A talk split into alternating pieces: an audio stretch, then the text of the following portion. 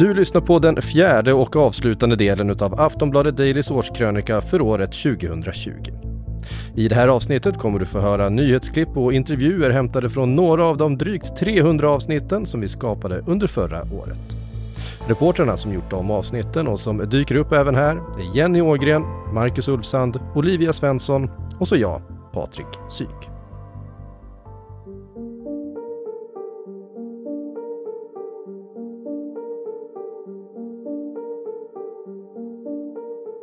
Ja, världen drog bokstavligen efter andan när beskedet om utbrottet av coronasmitta i presidentens stab och att president Trump själv var en av de drabbade. I Aftonbladets presidentvalspodd Trumpageddon lät det så här efter beskedet. Ni vet, vad betyder det att han har smittats av corona? Jo, men det är ju förstås en mardröm för presidenten. Eh, både för att det beskrivs som det allvarligaste hälsohotet mot presidentmakten sedan eh, Ronald Reagan blev skjuten på 80-talet. Eh, det är ju liksom en potentiellt livsfarlig situation. Eh, men också förutom det uppenbara då att han är sjuk då i, i en smitta som kan vara dödlig så handlar det också om att han är sjuk i en smitta som han själv har försökt att spela ner. Vi kan lyssna på hur det har låtit. Oh, COVID. It's this. I've gotten. It's by the way, it's a disease without question has more names than any disease in history. I can name kung flu. Many call it a virus, which it is. Many call it a flu. What difference? I think we have... Ja, alltså han har ju verkligen spelat ner corona rejält de här månaderna. Men det här med att han själv drabbats, det flyttar ju ändå fo hans fokus, eller hur? Ja, allt fokus hamnar ju nu på pandemin och coronastrategin som Trump ju tidigare har fått väldigt stark kritik för. Nu, nu kommer ju valet att handla om corona. Det går liksom inte att bortse ifrån. Det kommer inte handla om jobben, det kommer inte handla om ekonomin, det kommer inte handla om de punkter som Trump gärna skulle vilja fokusera på. Och det här att han sa precis innan han blev sjuk att slutet på pandemin är nära och, och, vi har det här inom kontroll och människor behöver inte bära munskydd och snart finns det ett vaccin. Och, alltså allt det här kan han liksom inte säga med samma trovärdighet längre. Oron att Donald Trump, som ju befann sig i så kallad riskgrupp, skulle dö, eller åtminstone bli så pass sjuk att han inte skulle kunna genomföra sin valkampanj, stillades efter några dagar när en sliten men ändå tillfrisknande Trump kunde lämna sjukhuset i Maryland, där han fått vård. De följande veckorna kantades av utspel om poströster, utredningar om deklarationer och kritiserade valmöten. Men den 3 november var det dags för den ultimata förtroendeförklaringen. Skulle Joe Biden kunna slå Trump? Aftonbladet Daily följde med Aftonbladets nyhetsdesk hela natten. Jaha, Wolfgang, klockan är 05.17 här i Sverige och vi vet inte vem som kommer vinna. Nej. Det har kallats ett ödesval. Ett ödesval som föregåtts av en minst sagt märklig valrörelse.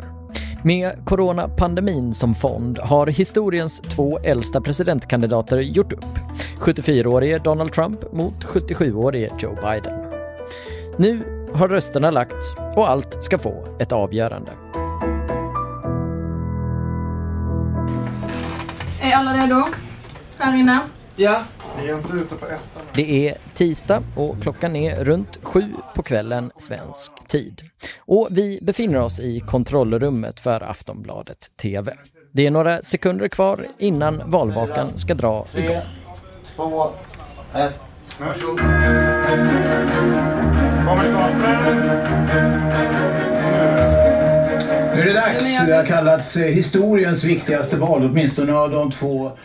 Så, Sändningen är igång. Vid sjusnåret så är det knappt fem timmar kvar tills de första vallokalerna stänger. Det ska ta några timmar innan det börjar brännas på allvar, men på redaktionen är arbetet redan igång. På desken, alltså där reportrar och redaktörer sitter, så planeras kvällen och natten för fullt. Ska vi, ska vi toppa liksom? Ja. Gör det. Under, underdelen med det. Ja, exakt. Någon live-rapporterar, någon annan svarar på läsarnas frågor och någon tredje filar på en artikel. Ja, det skulle bli en lång natt och när onsdag morgonen redan var kommen för vår tappre Daily-reporter vid nyhetsdesken hade fortfarande ingen kunnat utropa sig till segrare.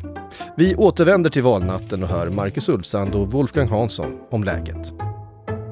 Det här är ju ett scenario som vi faktiskt har pratat om tidigare, att vi skulle hamna i ett läge där det är så jämnt så att vi helt enkelt inte kan utropa någon vinnare. Vad tror du händer nu?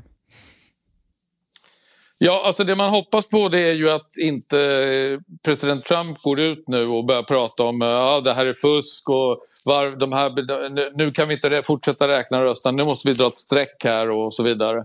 Eh, för då är ju risken att hans anhängare ger sig ut på gatorna och börjar eh, kanske hota folk, tar till eh, våldsamma metoder för att eh, visa hur man stödjer presidenten. Eh, så att det man hoppas på det är ju liksom att i lugn och ro att man ska räkna rösterna, alla rösterna och sen när man har ett resultat så har man ett resultat. Och tar det två dagar då får du göra det, tar det tre dagar så får du göra det. Men det borde ha ett resultat senast på fredag för då måste Pennsylvania ha eh, räknat klart sina röster. Eh, och det blir förmodligen en väldigt avgörande delstat eh, för att få veta hur det går. Ja, där och då var det mycket som var oklart. Precis som valet 2016 hade Trump överträffat förväntningarna från opinionsmätningarna, men fortfarande var många röster kvar att räkna. Inte minst många utav poströsterna. Ni vet de där som Trump under hela valrörelsen pekat ut som en potentiell källa till valfusk. Och för varje timme som följde så stärkte Joe Biden sin position i nyckelstater som Pennsylvania, Georgia och Michigan. Så den 7 november, efter fyra dagars räknande, utropade sig Biden till segrare. Trots Donald Trumps envisa uttalanden om valfusk och stämningsansökningar från presidentens personliga advokat, Rudy Giuliani.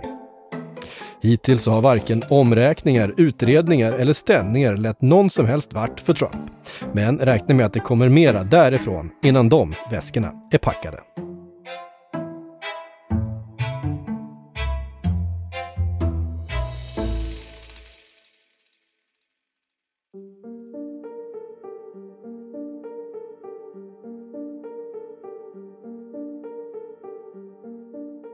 Ja, jag tror inte att Sverige kommer drabbas av en klassisk andra men med stor smittspridning igen som vi hade under våren.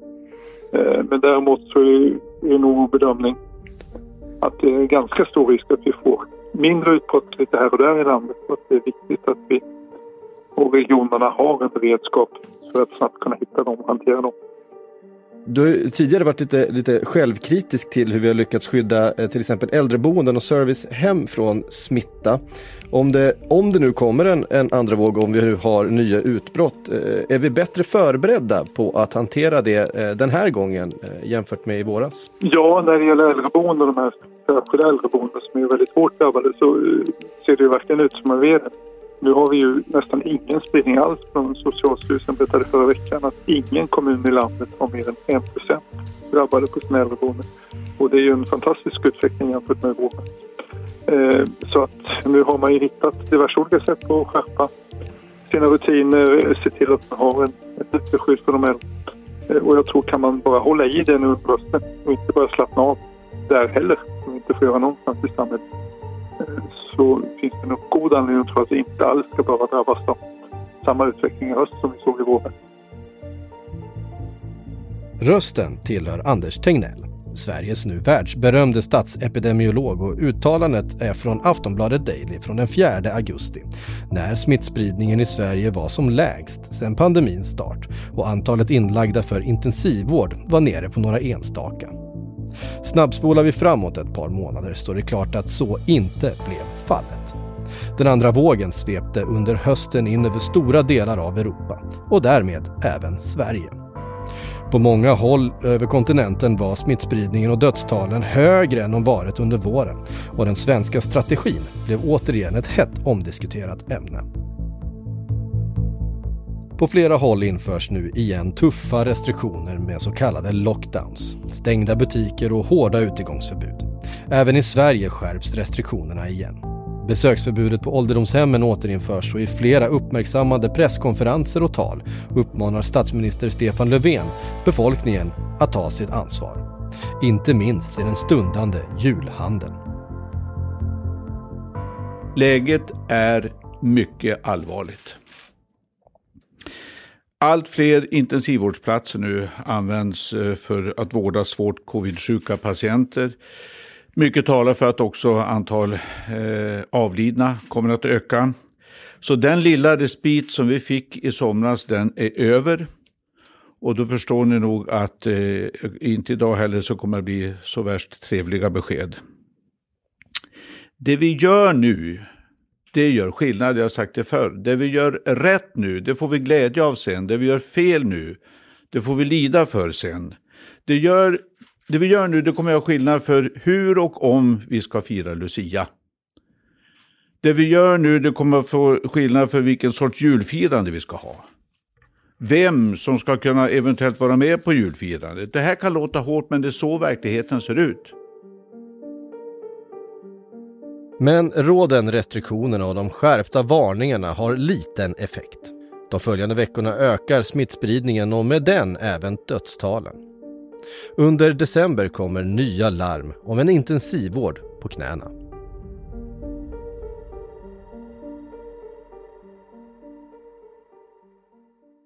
Maria Bölander är undersköterska på intensivvårdsavdelningen på Karolinska sjukhuset i Solna. Hon jobbar natt, från sju på kvällen till halv åtta på morgonen med att ta hand om covidpatienter. En arbetsuppgift hon haft sedan pandemin bröt ut. Maria Belander säger att hon trivs väldigt bra på sitt jobb. Det känns viktigt och givande. Men det präglas av stora utmaningar på grund av corona. Och hon får börja med att berätta hur det är att befinna sig på sin arbetsplats just nu. Eh, det är ganska ett vakuum skulle jag säga för att vi vet ju inte vart det här tar vägen. Eh, så att det är lite det är lite jobbigt, man är lite oroad. Ska det hålla i sig? Ska det bli långvarigt? Ehm, och så för mig, det är många som mår dåligt. Mm. Då tänker du på eh, de här svårigheterna som ni i personalen har då? Ja, många personal mår ju dåligt och vi förlorade ju många som sa upp sig efter vårens omgång. Och vi har flera som är sjukskrivna på grund av utbrändhet efter våren. Så att det är lite, det är just mycket fokus på personalen. Patienterna är väldigt, väldigt sjuka. De är inte lika många som det var i vår. Men väldigt sjuka och vi har mindre personal. Mm. Men det är mer kontrollerat eh, med, i och med att vi kan sjukdomen bättre nu. Vilka är de största utmaningarna, säger du? Är det att det är tiden att få den att räcka till? Eller är det att de är så svårt sjuka? Vad skulle du säga? De är så svårt sjuka. Eh, och tiden räcker ju, alltså, ibland känner man att man skulle vilja ha mer tid för att hunnit göra allt med patienten utan att det ska vara så stressat. Nu, nu den här svängen, i våras då hade vi fyra patienter per team och det var ju och, och de var ju så sjuka då och eller de var ju lika, men då kunde vi inte lika mycket som vi kan idag. Så det var ju lite mer kaosartat. Och lite så här, ja men nu, nu har vi en plan och en strategi hur de ska behandlas. Med mediciner och allt men det, det är mycket att göra, det är väldigt mycket att göra. Man, man går många steg per natt. Mm. Mellan patienterna och en del är ju mår ju väldigt dåligt och behöver otroligt mycket omvårdnad, medicinering och eh, Patienter är väldigt svåra för det kan vända mycket snabbt. De kan bli tvärdåliga. Så det kan vända snabbt, vad tänker du, ja. vad tänker du då? Nej, om du har en patient som till exempel har kommit från en IMA-avdelning och kommit till oss, sitter i, har en sån här mask och kämpar och andas i. Och, eh, det kan gå snabbt att de blir dåliga och måste intuberas. Eh, det, och sen, det är en knepig sjukdom överlag. Att man, man, kan må bra, de kan bli lite bättre och sen blir det sämre igen. Och, och, så. och de ligger oftast väldigt länge hos oss, många av de här riktigt dåliga patienterna. Vad skulle du säga är den stora skillnaden annars mot i våras? Du säger att ni är bättre på att hantera sjukdomen. Ja. Eh, det, det, är ju att det inte är lika mycket patienter. Mm. Det är mängden. Eh, och sen är det skillnad också att jag upplever att vi har lite yngre patienter den här omgången. Det är inte bara äldre utan det är mer spridda skurar åldersmässigt. När du pratade tidigare om hur personalen mår. Eh, nu är det ju en andra våg och det var ju många som trodde att den inte skulle komma. Mm. Nu är en del sjukskrivna då av dina mm. kollegor och så. Hur länge till orkar ni jobba så här? Ja, det är frågan det. Alltså det, det börjar bli folk som eh, är i och med att jag tror många blev ganska knäckta av att det inte blev några, alla semestrar, de som har semester över julen, att det blev indragna. Eh, eller indraget och eh, det, det, börjar bli folk sjukskrivna och vi är ju rädda för att det här ska bli långdraget. För att det, det är tungt att jobba 12,5 timmars pass. Och du förlorar ju mycket tid med, hemma med din familj. Ni får inga julledigheter alltså? Nej. Det är några mörka veckor som följer. Inte bara fysiskt med en sol som envist gömmer sig bakom tunga moln, utan för väldigt många även psykiskt.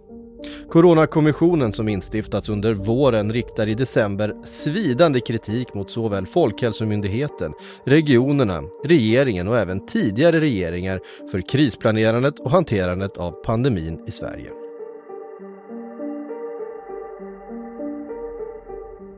Men med höstmörkret kom även hopp. Första läkemedelsföretaget att presentera sina fas 3-resultat av sitt coronavaccin blev amerikanska Moderna, vars vaccin visade upp till 90% skydd.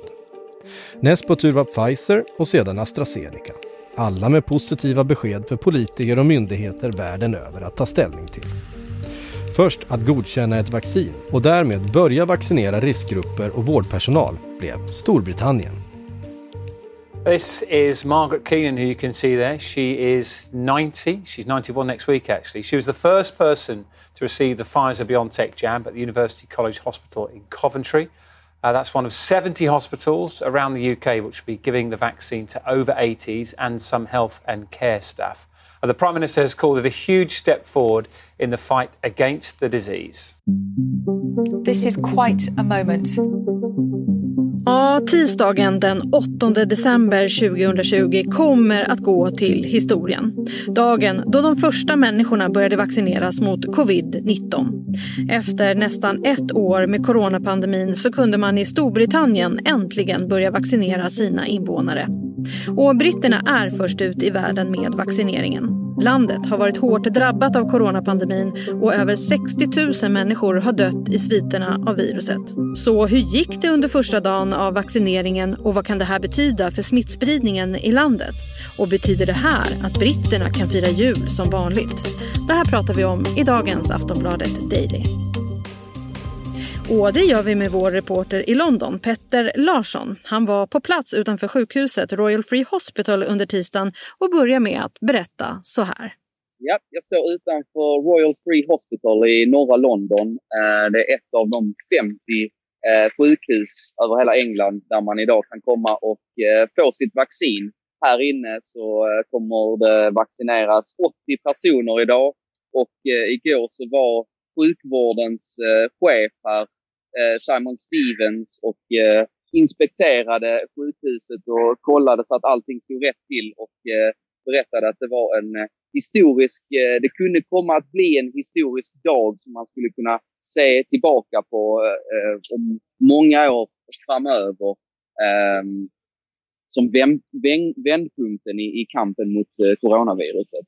Och man ser ju här att det är mycket aktivitet och ganska mycket media från hela världen som har eh, samlats här utanför och när det går förbi någon som ser lite äldre ut så eh, söker de och, och frågar om det är någon som har tagit vaccinet. Så vad innebär nu det här för britterna och det kommande julfirandet? Betyder det här att de kan liksom börja slappna av lite kring jul nu? Ja, Storbritannien har ju fått, eh, fem, har fått fem dagar eh, ledigt här i juni. Det är ju ganska hårda restriktioner här fortfarande, även om man inte är i en lockdown på samma sätt som man, man var under en månad här nu i, i höst. Eh, men eh, man får ju komma ihåg, och det, det, är ju regeringen ganska eh, flitiga med att påpeka. Eh, Boris Johnson sa det senast idag att vi måste bibehålla vår otålighet.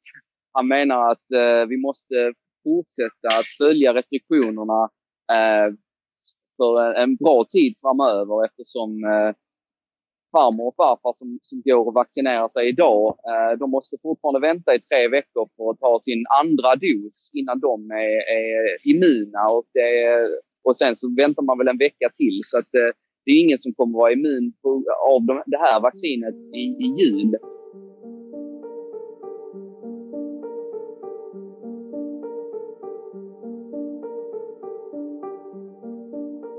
Ja, så här befinner vi oss nu i slutet av vår generations mest definierande år. Vi har ställts inför en fiende få ens visste fanns när året började. Många har dött eller fått men för livet på vägen. Andra har fått se sina företag och ekonomiska trygghet gå upp i rök. De flesta har tvingats in i isolering från nära och kära, ja, hela sin omvärld i perioder. Ingen människa på jorden har lämnats oberörd. Dessutom har ju livet trots allt pågått parallellt med det här. Dödsskjutningen av en flicka i Hallunda, svälten i Jemen och det rekordvarma novembervädret är några påminnelser om att utmaningarna vi har som samhälle inte stannar vid pandemin. Vi har förstås också fått ta förväl av några av våra folkkäraste personer. Diego Maradona, Sean Connery och Sven Wolters bortgångar är bara några av dem vi skriver in i historien om det här dystra året.